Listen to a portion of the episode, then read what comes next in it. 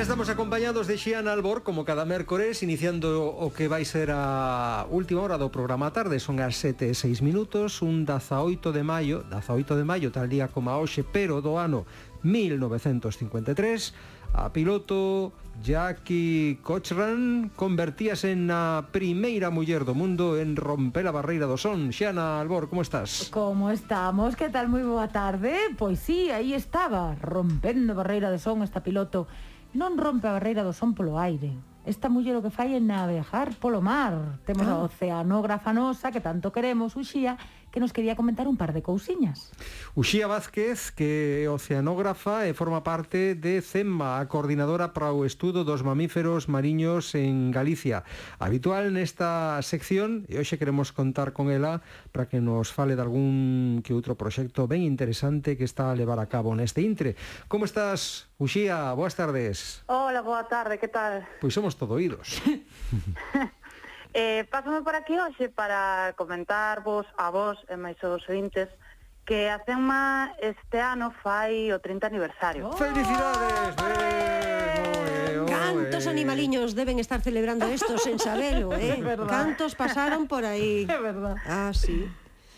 Entón, a base, pois precisamente por este 30 aniversario estamos imos intentar facer unha serie de actividades ao longo do ano uh pequeniñas, obviamente, non van a ser un gran festival de celebración, pero sí que imos intentar facer unha serie de detalles por toda a costa, como ben se son charlas ou, por exemplo, este próximo 27 de maio, ás oito e media, proxectaremos a curtometraxe O son da balea, do director Daniel Suárez Rubini.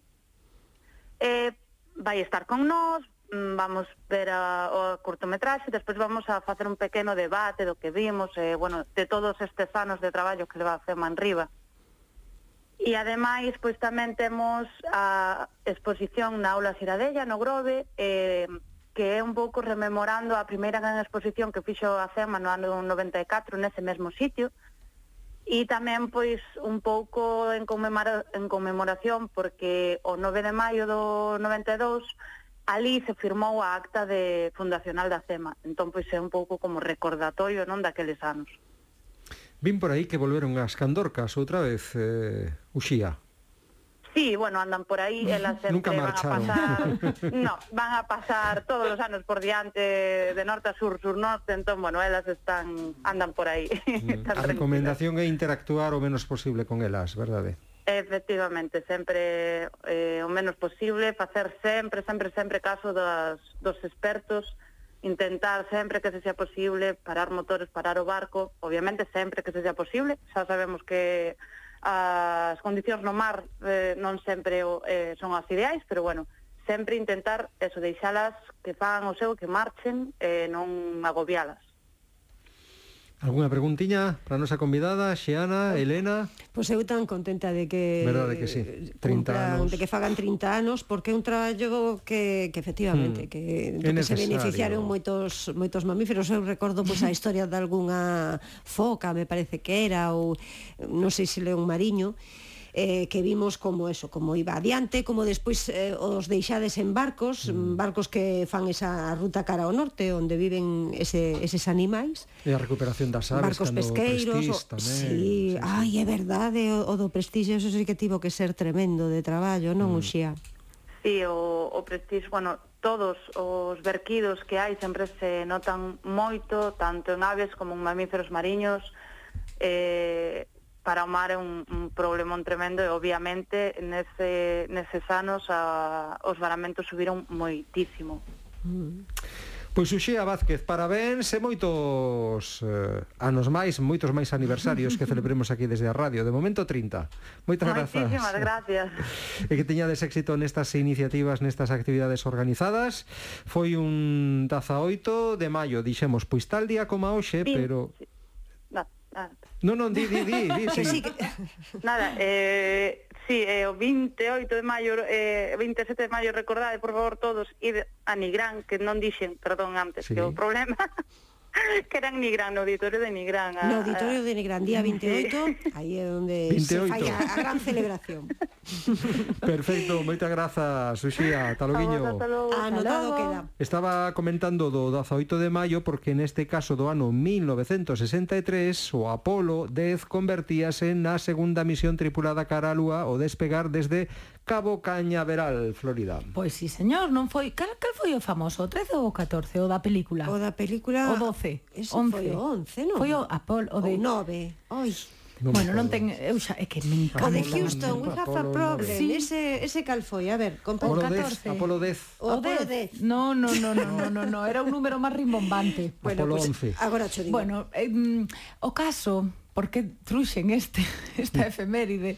era para aproveitar de falar que cando chegou Juan Ponce de León, o Valle Soletano... Apolo 13. Vale, era o 13 ou 13? Polo 13 era pues da película que no, de no sabía, Tom Hanks, 13, 13 esa de que Tom Hanks, Kevin Bacon e todos estes. Esa, sí, esa. Era, esa era pues Polo mira, 13. Eu pensei que non poñerían o, o número 13 porque nos, nos avións non deixan colocar asentos co número 13. Pensei que nos cohetes sería igual. Bueno, en fin, desde Cabo Cañaveral, Florida. Florida, e por que lle chamarán Florida? Pois hai dúas lendas Resulta que cando no ano 1513 Juan Ponce de León bautizou a esta península, lle chamou Florida uns din que porque era moi florida, estaba chea de flores, bueno, todo un clima tropical, sí. e outros din que era porque era Pascua Florida, esa data do ano. Ah. O caso é que, como xa vos dixen, que maio estamos yo a dedicar as flores, Pois hoxe quería falar non das flores que vemos e que arrecéndense non das flores que comemos. E para iso mm. truxen a un cociñeiro barra chef. Pensei que decir, por eso truxen unhas flores para comer. Pois se truxen estas margaritas, proba, E a mí que estaba me dando fame xa. bueno, temos a Manuel ben Mouche bueno, o teléfono. Brócoli. perdón. Ele cociñeiro e hostaleiro compostelán, non sei se o recordades, fundador xunto con Miguel Otero de Como Vino, e da, e da tuya como botaca. Perdón, bocata. Como bocata. tuya Aquí hai alguén bocata. con algún problema de dislexia. Hola, Manuel, non de vista de que, que está Hola, tan pequena esta letra que non me veixo. Hola, Manuel, que tal, como estás? Pois moi ben, aquí esperando para falar con vos. Pois nós aquí esperando polas flores para comer, eh, que xa temos aquí un pouco de fame. Estamos bueno, a, a falar de flores comestibles. En que pratos as usas, Manuel? Bueno, eh, ahora ven as flores, entonces pois utilizamos sobre todo flores eh, temos dúas maneiras de utilizalas. Unha a modo de decoración, que sería o que é o pétalo e a flor en sí, como utilizamos violetas, utilizamos diferentes eh, flores, eh, pétalos de margarita, e despois o que é a folla para dar sabor. Ah, para como dar sabor a folla. Sí, uh -huh. claro, como é, utilizamos eh, ervas silvestres como é a marusa, a pimpinela, ah. eh, o salis, que é o trébol. E flores eh, de comer? Flores de comer, Mira, flores, flores, de, de comer, comer. non de adornar, flores, flores nin de, de dar sabor, senón de comer. flores de Mastigar comer, e tragar. O, o que se suele comer eh, en flor suelen ser eh, sobre todo os pensamientos, ah, os pétalos de margarita, flores así, pero son flores que están cultivadas eh, por agricultores non se poden recoletar Non se pode ir por un xardín claro. e coller uns pensamentos no, no, no, no, no, e facer un bocata, non. Parte que eu te recomendo que non. Estas flores que vemos aquí na entrada, por exemplo, da televisión de Galicia, non podemos comer. Porque aí poñémonos as botas, eh? Claro, bueno, si queres ter cara de ovella. A ver como se preparan. Que receitas tes para uns pensamentos así? Mira, eh eh, non sei se eh, o que é a flor en sí utilizamos sobre todo para como terminación a hora de facer decoracións e cousas así. Tamén se poden utilizar como infusións, secándoas e despois eh, facendo infusións, que eso tamén se utiliza moito a hora de elaborar geles ou salsas. Mm. Sabes, eh, que ti tes hai un abanico moi grande, eh, o que che dé a imaginación. O que si se comen son as flores de cabaza. Sí, sí, sí, sí, as flores de cabaza, de cabaciña que se fan recheas, esas tamén están moi ricas, é verdade. E a flor de Pero, grelo. E a flor de grelo, todo, hai miles de flores para comer. sí, sí, sí, sí, sí. Tamén hai as plantas medicinales que se utilizan as flores tamén para para para tratar, como se utilizaba o codeso para as lombrices, eh, cosas así. É dicir, hai un abanico moi grande de, de de plantas que se, que se utilizan para, para a gastronomía e tamén para tratar. Manu, seguro que che soa que aí a semana pasada ou aí anterior falaban deste home en Bergondo que comeu un tubérculo dunha planta que sí. lle chaman ao nabo do diaño, que xa en Bergondo sí, igual sí. che soa, non? Sí, algo vin por aí, algo, algo vin. Algo escoitaches, non? Sí, claro, sí, sí. neste caso non falamos de tubérculos, falamos de flores. Mm. Aí ti que vas moito ao monte, eres unha persoa que está moito polo monte adiante, que pasas a vida como bo sí. cociñeiro galego, pasas a vida pois buscando cousas e paseando, estando na natureza. Mm. Cales serían os puntos vermellos? Xa nos dixeches que non debemos ir coller as cousas e comelas porque é perigoso, no. mais hai algún así punto vermello ou algún punto verde? Por exemplo, se estamos na casa, na casa hai moitas sí. que, a ver, eu eu joder, ca miña experiencia que é moi pouca, sabes? Eu, por exemplo, se vou polo pola natureza, pois sabes, eh, pla, eh, hai flores moi bonitas que están salindo agora, que é como a, de, a dendalera ou mm. botón de oro, que son flores eh, moi bonitas, moi chamativas, que están todos por aí, que son moi tóxicas esas, moi venenosas. Despois tes outra que sale moitísimo como a lengua de, de, de boi, mm. que é unha azul que é moi bonita, que é esa comestible, Tesa, ah, hai moita margarita, eh, hai moitas plantas que son comestibles, pero bueno, eh, mellor é eh, non non non ser moi aventurero con estas cousas. Eu as probo, pero claro, hai veces que se sentan así un pouco mal na barriga. ai, ai, ai, que medo. É que ti dixeches o da, o da de Daleira, que o estralote, da o estralote, sí, sí, Eu sí. lembro da miña boa, non sei se vola boa volo facía, sí, Manu, a vosa. Sí, que, as, que as talaba, e despois agora falas con algunha botánica e di, ai, son super tóxicas, non se deben nin tocar.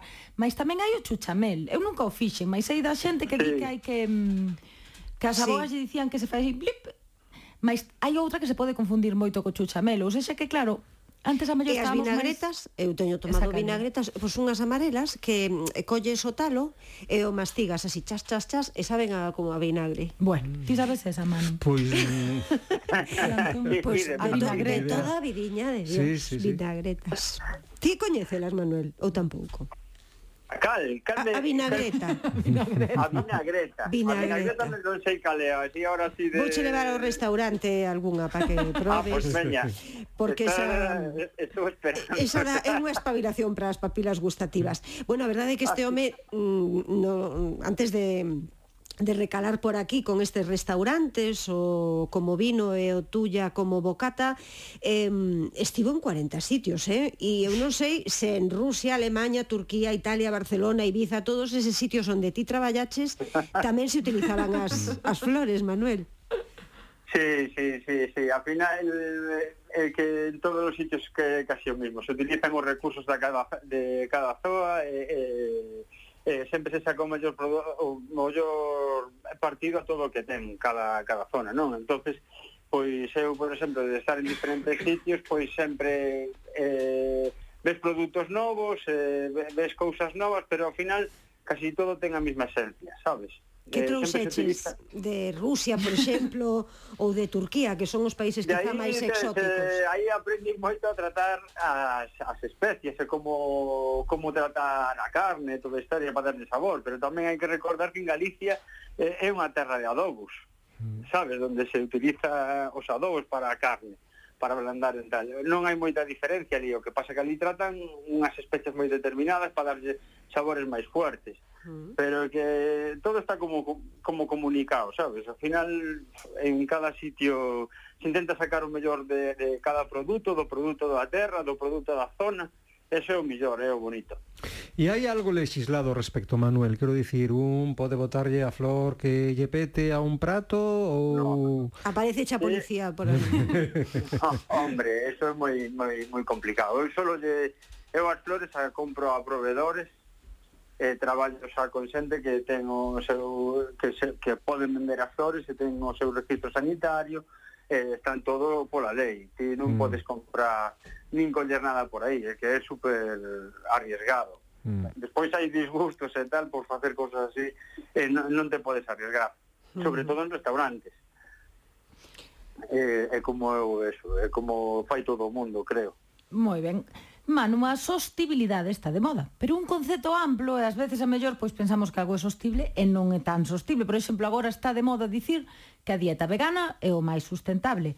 Aquí en Galicia, os que coñecemos a paisaxe, o ambiente, a nosa cultura rural, sabemos que o veganismo non sería moi axeitado. Entón, Manuel, nos teus restaurantes, que eu sei que te tomas moi en serio este tema da sustentabilidade alimentaria. Contanos un par de cousas que faz das que te sintes orgulloso, que estás facendo algo bo polo pola A terra. ver, eu, eu eu creo que o mellor que podo facer é eh, traballar eh, ca xente que cuida a naturaleza, que cuida o monte.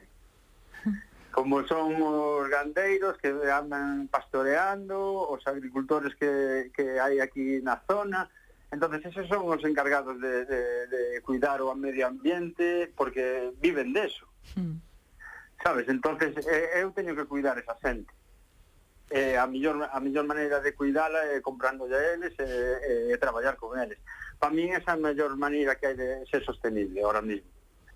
Porque, por exemplo, eu teño o caso de que eu no restaurante dos bocatas pois temos moitas opcións veganas e tal, ao final eh, a xente está, está comendo cousas sintéticas. Sabe, porque queren que si proteína de guisante para hacer dar sabor a carne, para, sabes, hamburguesas con sabor a carne, pero se fan con proteína de guisante, cousas raras. E, ao final, eu non acabo de entender nada. Sabes? Entonces, eu non sei de que maneira eso é eh, sostenible.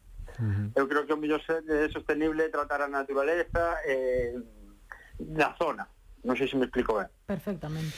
Bueno, Manuel, agora hai que botarlle flores a, él, a Manuel por ese éxito que, que tivo co seu tuya como bocata e ese solete Repsol que obtivo pouco de abrir, que foi os tres meses ou así. Sí, sí, Manuel. sí, sí, abrimos o ano pasado en agosto eh, a nada, en, eh, aos tres meses, unha cousa así, antes de Navidad, de estar pois nos chegou o reconocemento que como o mellor fast food de, de España. Bueno, mm. caramba, pois pues mira. Pola guía Repsol. Non é eh, pouca cousa. Que supón así para vos ese recoñecemento, Manuel? Nada, pois foi unha locura. foi unha emoción locura enorme, porque... non? Claro, eh, a ver, estuvemos super ilusionados, motivados, a, a, a par de que empezou a vir moitísima xente. Claro, estábamos empezando, nos tocou así todo de golpe, pero bueno, ahora estamos moi contentos, estamos xa baixo un pouco que esa nube, non? De estar aí polo premio, reconhecemento e tal, e agora xa estamos co día a día, traballando moi ben, moi contentos, eh, eh, e, e facendo o que máis nos gusta que cociñar. Pois non temos flores, pero temos esta musiquiña para Manuel que seguro que lle gusta. Música! Música!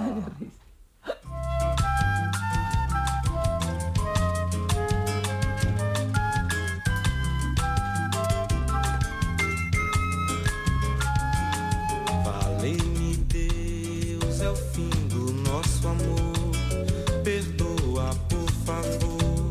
Eu sei que o erro aconteceu, mas não sei o que. Tes un gusto especial pola música brasileira, eh? Ten moito Xiana. gusto para a música. Sabedes Calé, non coñecedes a versión sí. en Calé? En Calé? Non, Calé a versión. Ah, Calé a versión. Ai, non sei agora. Pedi, a flor de lis de, de Ketama. Ai, te razón, sí, sí, sí. te razón. Manu, sí, que a canta Ketama, sí, señor. Pero esta... Este, este quen é? Esta é, digamos, a versión original ou? Pois non Foi primeira ou segunda? Non sei, non, non mirei, mira. Este é de Yaván, de Yaván, un brasileiro. De Yaván. Flor de Lis, Flor escutamos. De uma flor de lis E foi assim que eu vi nosso amor na poeira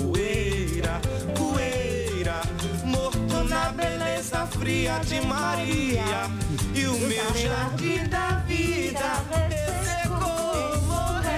Non sabe de vos este home, eh, de llamarse, senón Xa formaríades parte do seu coro, Xiana, Elena. Presentámonos para o ano Eurovisión. Eu creo que sí, eh, que tedes moitas potencialidades Veña, ocultas. Veña, anímate, ó. Se Manu ven eu vou. Veña, vale. Xiana, Elena, duz points. Bueno, moitas grazas, foi un placer terte por aquí no, no programa, Manuel, e ata cando queiras. Pois pues moitas Manuel gracias a vos por convidarme. Un saúdo, boas tardes. Vale, un saúdo grande. Veño, adiós. Perdoa, por favor, eu sei que o Bueno, Xana, moitísimas grazas, eh? Cuídate moito e ata a semana que ven. Grazas, ata logo. Logo, chao. Onde foi que eu errei?